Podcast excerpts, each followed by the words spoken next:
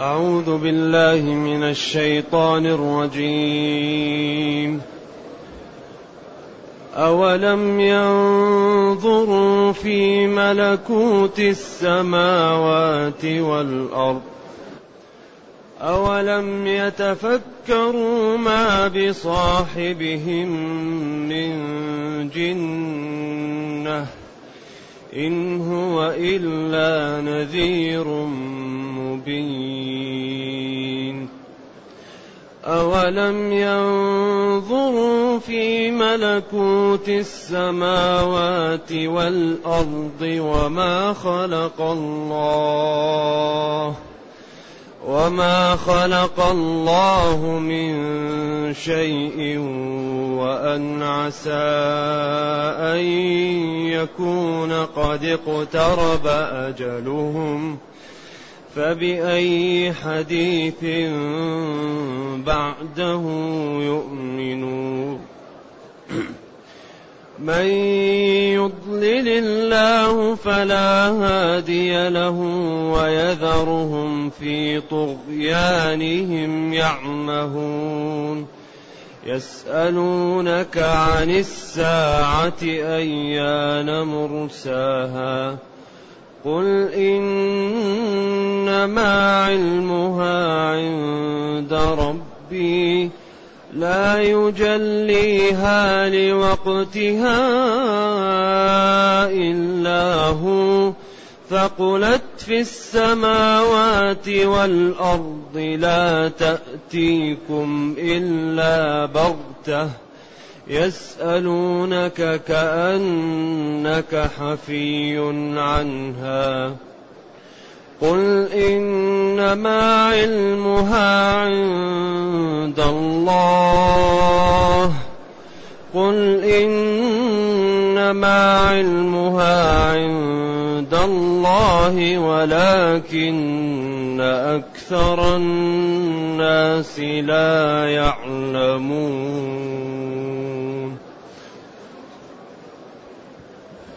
بارك الله فيك. الحمد لله الذي أنزل إلينا أشمل كتاب وأرسل إلينا أفضل الرسل وجعلنا خير أمة أخرجت للناس فله الحمد وله الشكر على هذه النعم العظيمة والآلاء الجسيمة والصلاة والسلام على خير خلق الله وعلى آله وأصحابه ومن اهتدى بهداه. أما بعد فإن الله تعالى لما بين حججه وأدلته على وحدانيته وعلى صدق رسوله أتبع ذلك بتكذيبهم فيما يتهمون به نبيه صلى الله عليه وسلم. وأملي لهم إن كيدي متين. الإملاء هو الإمهال. إن توكيد كيدي مكري بأعدائي وبمن خالف طاعتي. ثم بعد أن بين ذلك قال أولم يتفكروا؟ ألم يعطيهم الله عقولا ويعطيهم يعني فسحة ويعطيهم آلة فيتفكروا بها في واقع ما جاء به النبي صلى الله عليه وسلم وفي ما كان يأمر به وينهى عنه ويعلموا أنه ليس به جنة.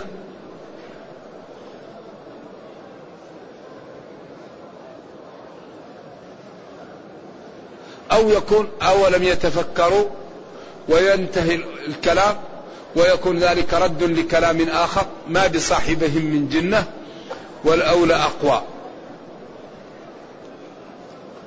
لأن هذا الدين جاء ببراهين وبأسس وبطرق ما هي قابلة إلا للتسليم. أولا هو أرسل لهم وهم يعرفون صدقه وأمانته وعاش بين ظهرانيهم أربعين سنة وكانوا يسمونه الأمين صلوات الله وسلامه عليه. والذي جاء به بعضه قال هذا مني. هذا مني ويجب عليك من تعملوا به. وسمي السنة. وحي لكن ألفاظ مني. ولا يصل للإعجاز للبلاغة إلى حد الإعجاز. وهذا ليس مني من الله. وهذا لا يمكن حد أن يأتي بمثله. والذي أتى به ما قال لهم اعبدوني ما قال لهم افعلوني. قال لهم اعبدوا ربكم. وإذا سألوه يقول لهم لا يمكن نجيبكم حتى يأتيني الوحي في بعض الأمور. يتوقف حتى يأتيه الوحي. طيب أنتم أربعون سنة تسمونه الأمين. وأنتم تعادونه تضعون أماناتكم عنده. لما أراد أن يهاجر تأخر حتى يؤدي الأمانات إلى أصحابها. هم يناصبونه العداء ولكن مع ذلك يعلمون أنه لا يغش ولا يكذب ولا يظلم. فوضع الإسلام وضع محرج. ولذا كل الإسلام مبني على على البراهين. الإسلام كله براهين وأدلة. ما يقول لك ارمي عقلك وتعال معي. قال أم خلقوا من غير شيء؟ أم هم الخالقون؟ أم خلقوا السماوات والأرض؟ كل ذلك لم يكن. إذا خلقتكم قوة هي الله اعبدوها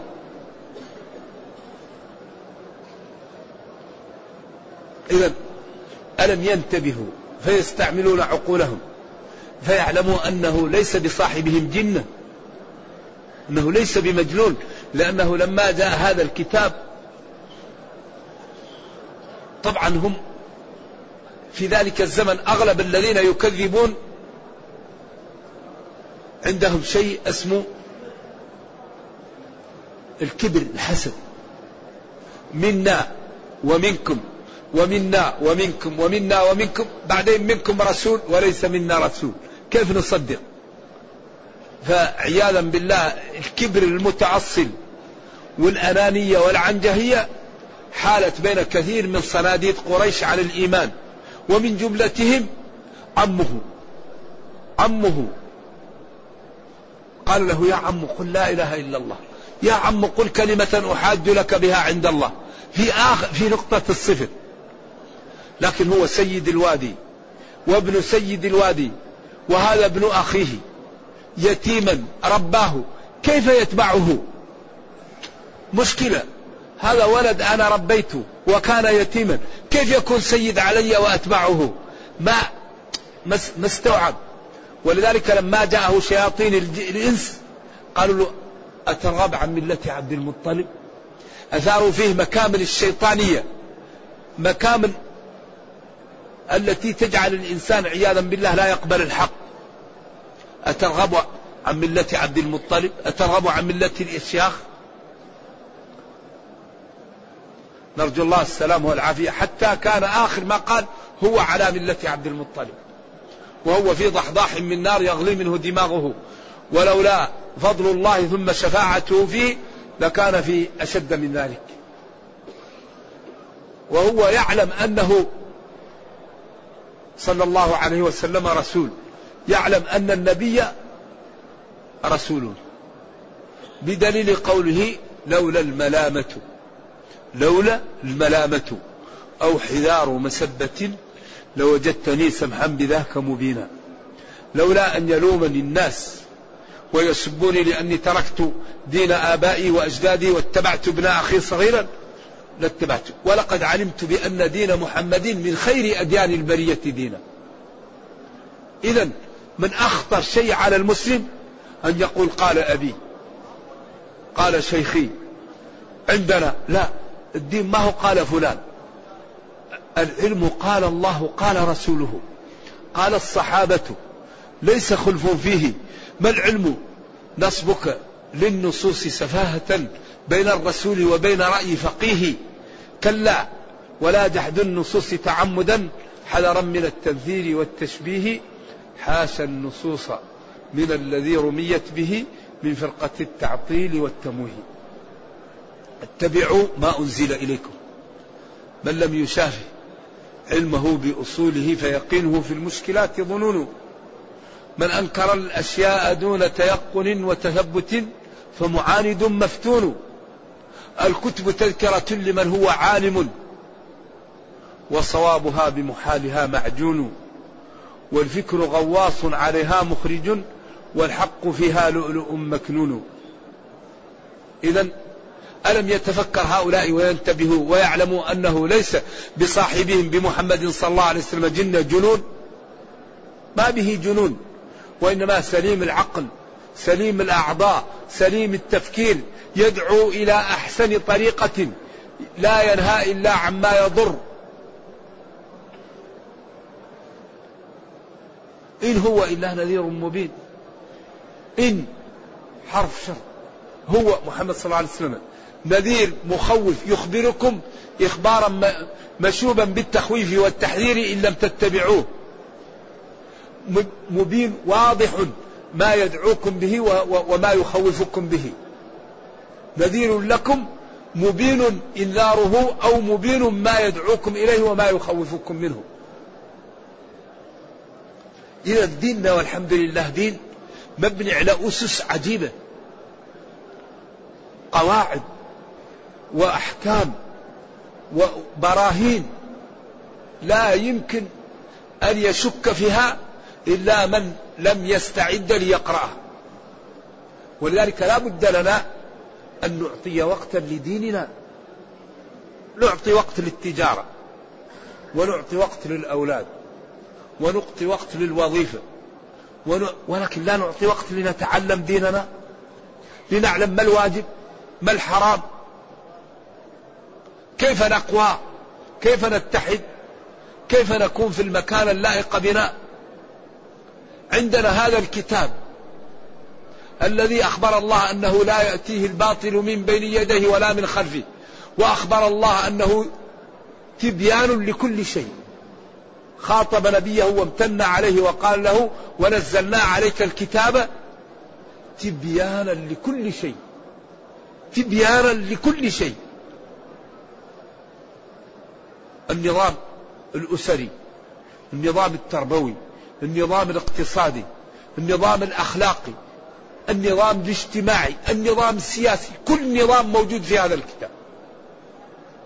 الشافعي يقول والله لا تنزل بالمسلمين نازلا إلا وكان في القرآن السبيل إلى حلها. طيب إذا لا بد أن نقرأ القرآن لا بد أن نفهمه لا بد أن نعمل به لا بد أن نجعله دستورا لنا. أمة القرآن في المحافل يحجر عليها لا يعني في المحافل لا تستشار في خصوصيات أمورها. ما السبب في ذلك؟ ما هو السبب؟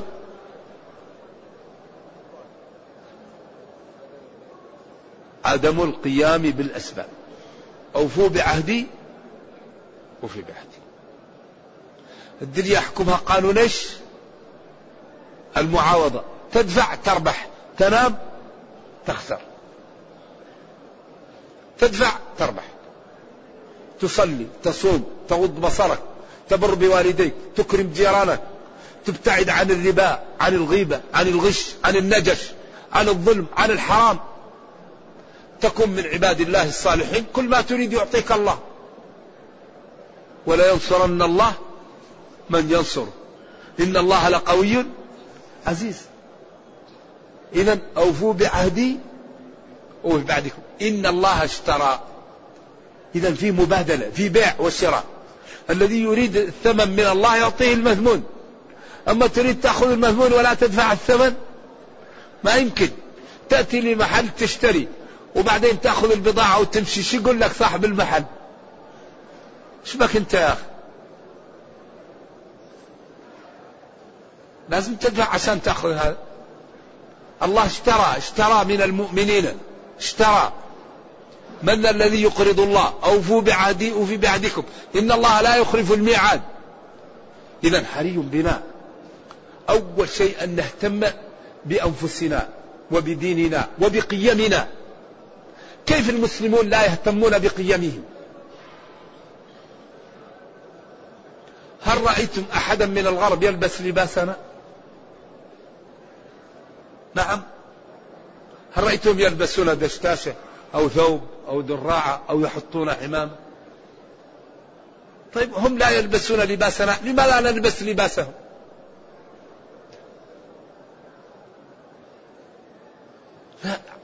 حتى الواحد له قيم يا أخي. ونحن قيمنا الإسلام إحنا عندنا الإسلام وهم عندهم الكفر. لا بد المسلم يعتز بدينه وبقيمه وبأخلاقه. لا نظلم ولا نكذب ولا نغش الناس ولا نأخذ أموالهم ولا نعمل لهم شيء. لكن نكون آدمي نحترم نفسي نحترم قيمي. هم كفار يحترمون قيمهم. نحن المسلمين لا نحترمون قيمنا. ذلك حري بالفضلاء الحقيقة أن يهتموا بالوسائل التي ترتفع بها الأمة. لأن هذه الأمة فيها وسائل إذا قامت بها ارتفعت. لأن أكبر ما يقوضنا الآن أكبر ما يقوض العالم الإسلامي الذي هو مليار وستمائة مليون. أقول أكبر ما يقوضه أوامر معطلة ونواهي منتهكة. أكبر ما يقوض العالم الإسلامي مليار وستمائة مليون أوامر معطلة ونواهي منتهكة فحري بنا أن نمتثل الأوامر ونجتنب النواهي ونهتم بأمورنا حتى نكون في المكان اللائق بنا. أما تكون الأمة المسلمة تعادي العقول. الأمة المسلمة موهوبة في تضييع الفرص. الأمة المسلمة ممزقة. الأمة المسلمة العقول تهاجر عنها. الأمة المسلمة تعيش شيخوخة مبكرة في العلم لا يعلم خطورتها إلا الله. لأن أكبر ما يدمر الأمم الجهل. الجهل يضعف العقل ويضعف الدين ويضعف الاقتصاد ويضعف العلاقات ولا يوجد شيء أضر في المجتمعات من الجهل. ولا يوجد شيء أرفع من العلم. العلم تتعلمه للدنيا يرغمك العلم لأن تخاف من الله. وإذا لم يأتي الإنقاذ للمسلمين من المسلمين الذين يأتون للمدينة ويحجون ويعتمرون ويكونون هؤلاء عندهم البرامج الجادة لإنقاذ الأمة أين يأتي لإنقاذ فحري بنا أن كل واحد منا يهتم بأن يكون متقيا فاهما لدينه وأن يكون مسلما. مسلما متقيا فاهما. فما يعلم يعمل يعلم دينه ويعمل به ويكون مسلم وبإذن الله ربه يحميه ويساعده ويكون منتجا لدينه ولأمته. والحقيقة علو الهمة هو الذي يجعل الإنسان يبذل لدينه ولأمته. وضعف الهمة هو الذي يجعل الإنسان يخلد إلى الراحة ولا يحاول أن يبذل من ماله ودينه ومن ماله ووقته لدينه ولأمته. إذا يقول جل وعلا ألم ينتبه هؤلاء فيعلموا أنه ليس بصاحبهم من جنة ليس بمجنون ولا مرض وأن عقله سليم إنما هو نذير مبين. نذير مخوف لهم مخبرهم إخبارا مشوبا بالتخويف واضح. ذلك الإنذار وذلك التخويف الذي جاءهم به. وأوحي إلي هذا القرآن لأنذركم به. ومن بلغ. ثم قال أولم ينظروا في ملكوت السماوات والأرض؟ ألم يستعمل علو عقولهم فينظروا في ملك الله في السماوات والأرض. ملكوت ورهبوت ورحموت. هذه الواو والتاء زيادة تدل على الزيادة. الملك العظيم الهائل. السماوات والأرض. والسماء بنيناها بأيد وإنا لموسعون. ما ترى في خلق الرحمن من تفاوت. الجبال أرساها وجعلنا في الأرض رواسي أن تميد بكم وجعلنا فيها فجاجا وسبلا. أفرأيتم إن أصبح ماؤكم غورا فمن يأتيكم بماء معين إن جعل الله عليكم الليل سرمدا إلى يوم القيامة من إله غير الله يأتيكم بضياء؟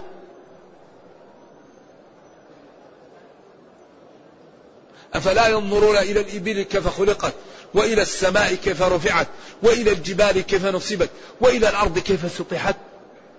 ألم ينظروا في ملكوت السماوات والأرض؟ وما خلق الله من شيء. أولم ينظر الإنسان في نفسه وفي أنفسكم؟ أفلا تبصرون؟ صبغ أسود وأبيض والعين مليئة بالماء تنظر بها والفم بهذه الطريق وجعل لك لحمة تبين بها ما يجيش في صدرك. علمه البيان. وجعل تحتها عين عذبة تجملك على قدر الحاجة. الريق هذا عين عذبة تحت اللسان تجملك على قدر الحاجة. لو نشف ما يمكن تنطق والكرش لما كانت ضعيفة جعل العيون تحرسها. والظهر الذي ليس عنده عيون قوي. لو يطيح عليه شيء يتحمل. والأذن لما كانت ليس لها غطاء جعل فيها مادة تشرد الحشرات. الأذن ما لها غطاء. لكن أي شيء يقرب منها يهرب منها سبحان الله. وإذا نمت عندك حرس من الله له معقبات من بين يديه ومن خلفه يحفظونه. ولذا شوف خلقناهم إيش؟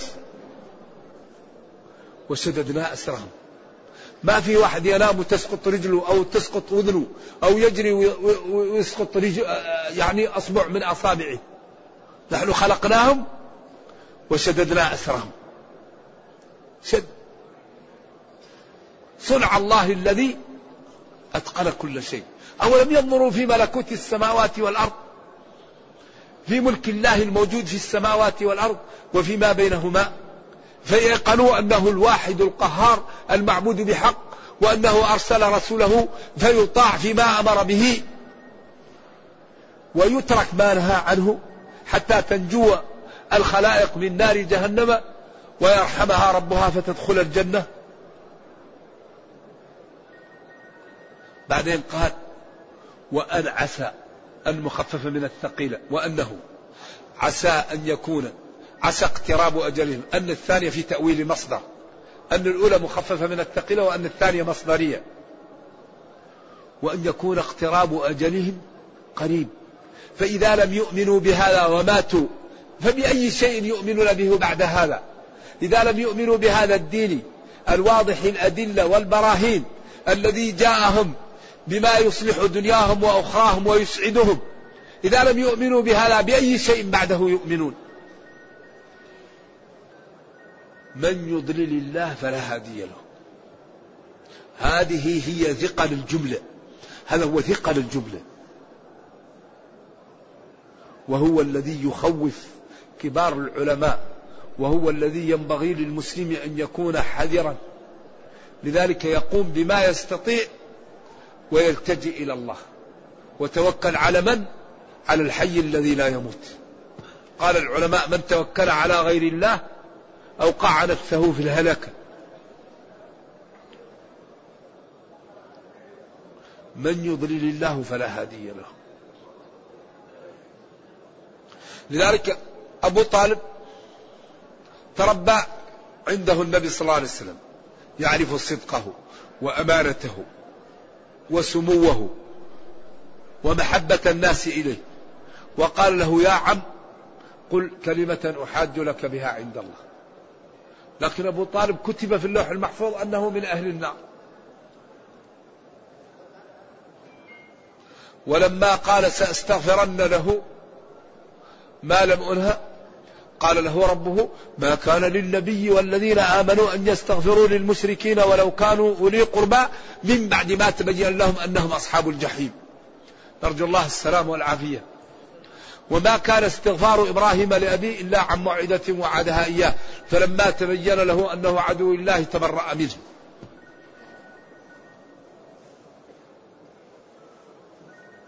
ولذلك هذه الآية في التوبة ولعلها نزلت متقدمة لأن التوبة آخر سورة نزلت. وبعض الآيات تنزل متقدمة وتكون السورة متأخرة.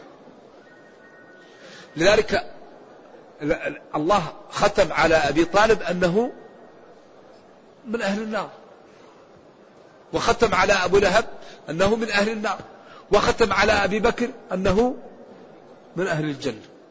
فأبو بكر لما جاء صديق على طول صدق.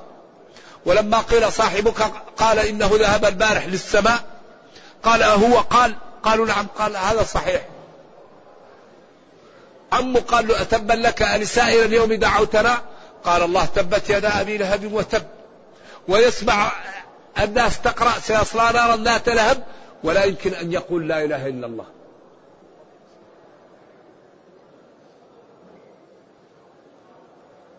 وهذا الذي جعل الإمام سفيان الثوري لما كبرت سنه يكثر البكاء والخوف. يقول الذهبي في سير أعلام النبلاء وفي ترجمة الإمام سفيان الثوري أنه لما كبرت سنه كان يكثر البكاء. يبكي كثير. فقيل له يا إمام أنت على خير. ما لك تخاف؟ قال لا أخاف من ذنوبي. قالوا مما تخاف؟ قال أخاف أن يؤخذ إيماني قبل أن نموت. أخاف أن يؤخذ مني الإيمان قبل الموت. لا أخاف من الذنوب أخاف أن نسلب الإيمان ويؤخذ مني قبل الموت. لأن الإنسان لا يدري ما لا كتب له. ولما استشكل الصحابة قال لهم نبيهم صلوات الله وسلامه عليه اعملوا اعملوا اعملوا. واحد يجد في العمل وكل ميسر لما خلق له. الخطر كل الخطر أن ينام الواحد عن العبادات وإذا قلت له يا عبد الله اتقي يقول لك ادعي لي. ادعي لك وانت ما تريد تصلي كيف. هو يروح للعمل ويشتغل للدنيا وفي الدين يقول لك ادعوا لي. طيب ما تنام في البيت وتقول ادعوا لي. نام في البيت وقل ادعي لي الله الرزق كمان. أما تروح تشتغل للدنيا وإذا جاء الدين تقول ثابت تشتغل هذا ما هو صحيح. ينبغي أن لا نجعل الدين أقل من الدنيا. والأنفس. إذا اردنا أن ننجو أن ننجو يوم القيامة لا نقلل الدين عن النفس والمال. إنما أموالكم وأولادكم فتنة. والله عنده أجر عظيم. فلا نجعل المال والأولاد والأنفس أعز علينا من ديننا. لا. إما أن نقدم الدين أو نجعلهم مثله. أما الواحد يقدم دنياه على دينه هذه مشكلة. لذلك قال العلماء السبب في اهتمام الناس بالدنيا الضمان قوة الضمان. وما من دابة في الأرض إلا على الله رزقها. لكن ما ضمين الجنة لأحد. قال لم نجعل له عينين ولسانا وشفتين وهديناه نجدين. من يعمل مثقال ذرة خيرا ومن يعمل مثقال ذرة لذلك الحرقة اللي تقع للإنسان على الدنيا ما تقع له على الجنة. لأن الجنة ما هي مضمونة لكن الدنيا مضمونة. فلما ضمنها جعل القلب زي الدينامو. اشتغل حتى حتى يضمن لهم لقوة الضمان. واحد ما يقدر ينام لقوة الضمان. لأن كل دابة رزقها على الله. لكن هذا الضمان القوي يجعل كل واحد يشتغل يتحرك. لكن الجنة ما ضمنت. ف هذا الكتاب عجيب. كل ما نحتاج إليه موجود فيه. من يهدي الله فلا هادي له من يضلل الله فلا هادي له. أيوة ونذرهم. أعوذ بالله نذرهم نتركهم. في طغيانهم في كفرهم. يعمهون العمه هو عمى البصيرة يقال له العمه. وعمى العين يقال له العمى. وقد يطلق هذا على هذا. ونذرهم في طغيانهم يترددون ويتحيرون عياذا بالله. قلوبهم عمي. لأن موارد العلم لم يستعملوها في طاعة الله. يسألونك يا نبي يسألك الكفار أو اليهود عن الساعة. أيان مرساها مجيئها. يسألونك عن الساعة؟ يسألونك عن الساعة أيان مرساها؟ قل إنما علمها عند ربي. لا تعلمها. قل لهم يا نبي علمها عند الله. ولذلك إن الله عنده علم الساعة وينزل الغيث ويعلم ما في الأرحام. وما تدري نفس ماذا تكسب غدا وما تدري نفس خمس لا يعلمها أن إلا الله. من أخبرك فيما يقع في غد فهو كذاب. ولذلك فيه غيب محض وفيه غيب نسبي.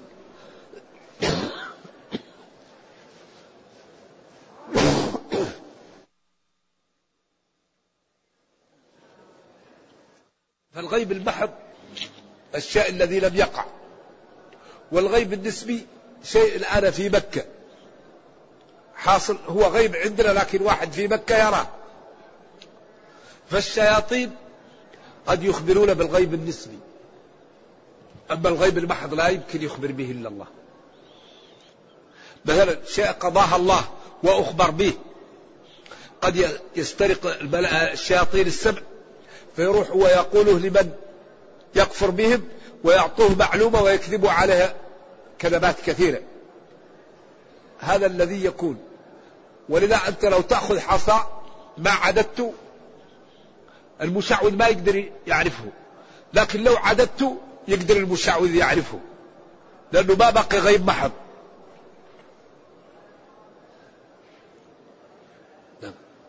فالغيب لا يعلمه إلا الله والملائكة لا تعلم الغيب. والرسل لا تعلم الغيب ولا يعلم الغيب إلا الله. قل لا يعلم من في السماوات والأرض الغيب إلا الله.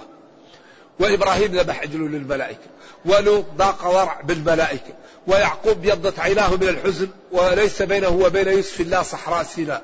ونوح قال ربي إن ابني من أهلي حتى أخبره الله. ونبينا كان يقول لعائشة إن كنت ألممت لسوء فتوبي إلى الله حتى أخبره ربه بقوله أولئك مبرؤون مما يقولون. ويقول جل وعلا قل لا يعلم من في السماوات والأرض الغيب إلا الله. إذا من يدعي الغيب نقول له بكل سهولة أنت كذاب. لا يعلم الغيب إلا الله. لا ولي ولا نبي ولا رسول. لا. لكن الله قد يخبر بعض الرسل بعض ولا يكون غيب هذا لأن هذا وحي من الله. أما المغيبات لا يعلمها إلا الله. قد بعض الشياطين أو من يستحم مع الشياطين يسترقون السمع ويأخذون بعض الكلمات وبعدين يكذبوا عليها كذب كثير لكي يدلسوا على الناس. إذا علم الساعة عند الله. لا يظهرها لوقتها إلا هو يجليها يظهرها إلا هو. ثقلت في السماوات والأرض. ثقلت للعلماء فيها أقوال. القول الأول ثقلت أي علمها خفيت على أهل السماوات والأرض. وقيل ثقول مجيئها على أهل السماوات والأرض. أو ثقلت على السماء والأرض لأن السماء تتشقق والأرض تتبدل والجبال تسير والكون يعني كله يعني يتغير فيأتيه من الهول ما يبقى الأمر ثقيل عليه. لذلك إذا جاءت القيامة كل الكون يتغير. الجبال تكون كالعهن والبحار تسجر. إما تفرغ أو تفتح على بعض أو أو توقد نيران. والأرض تبدل غير الأرض والسماوات. والأمور تتغير. إذا ثقلت على أهل السماوات والأرض لا تأتيكم إلا بغتة. لا تأتي الساعة إلا فجأة. في الليل أو النهار. يعني في وقت لا يعلم بها لا تأتيكم إلا بغتة. يسألونك كأنك حفي بهم أو كأنك حفي يعني كثير السؤال عنها أو كأنك خبير بها. يسألونك كأنك حفيظ عنها. قل إنما علمها عند الله. ولكن أكثر الناس لا يعلمون. قل إنما علمها عند الله. ولكن أكثر الناس لا يعلمون حقائق الأمور وأن الغيب لا يعلمه إلا الله وأن عدم الإيمان يوبق أهله وأن الإيمان ينجي أصحابه. إذا هذه الآيات الحقيقة تبين للمتأمل قدرة الله وعظمته. فينبغي أن يطيعه؟ وما أراده يعطيه له ربه. ما الذي نريد؟ أردنا الدنيا يغنينا. أردنا الجنة أعطانا. يعني لماذا لا نطيع الله؟ وهو كريم وقادر وأوجدنا. وإذا لم نطعه فنحن نعرض أنفسنا للعقوبات في الدنيا وللعقوبات في الأخرى. ولم يأمرنا بشيء صعب. فلذلك نكثر من يا مقلب القلوب ثبت قلوبنا على دينك. اللهم أرنا الحق حقا وارزقنا اتباعه وأرنا الباطل باطلا وارزقنا اجتنابه وأن لا تجعل الأمر ملتبسا علينا فنضل ربنا أتنا في الدنيا حسنة وفي الآخرة حسنة وقنا عذاب النار.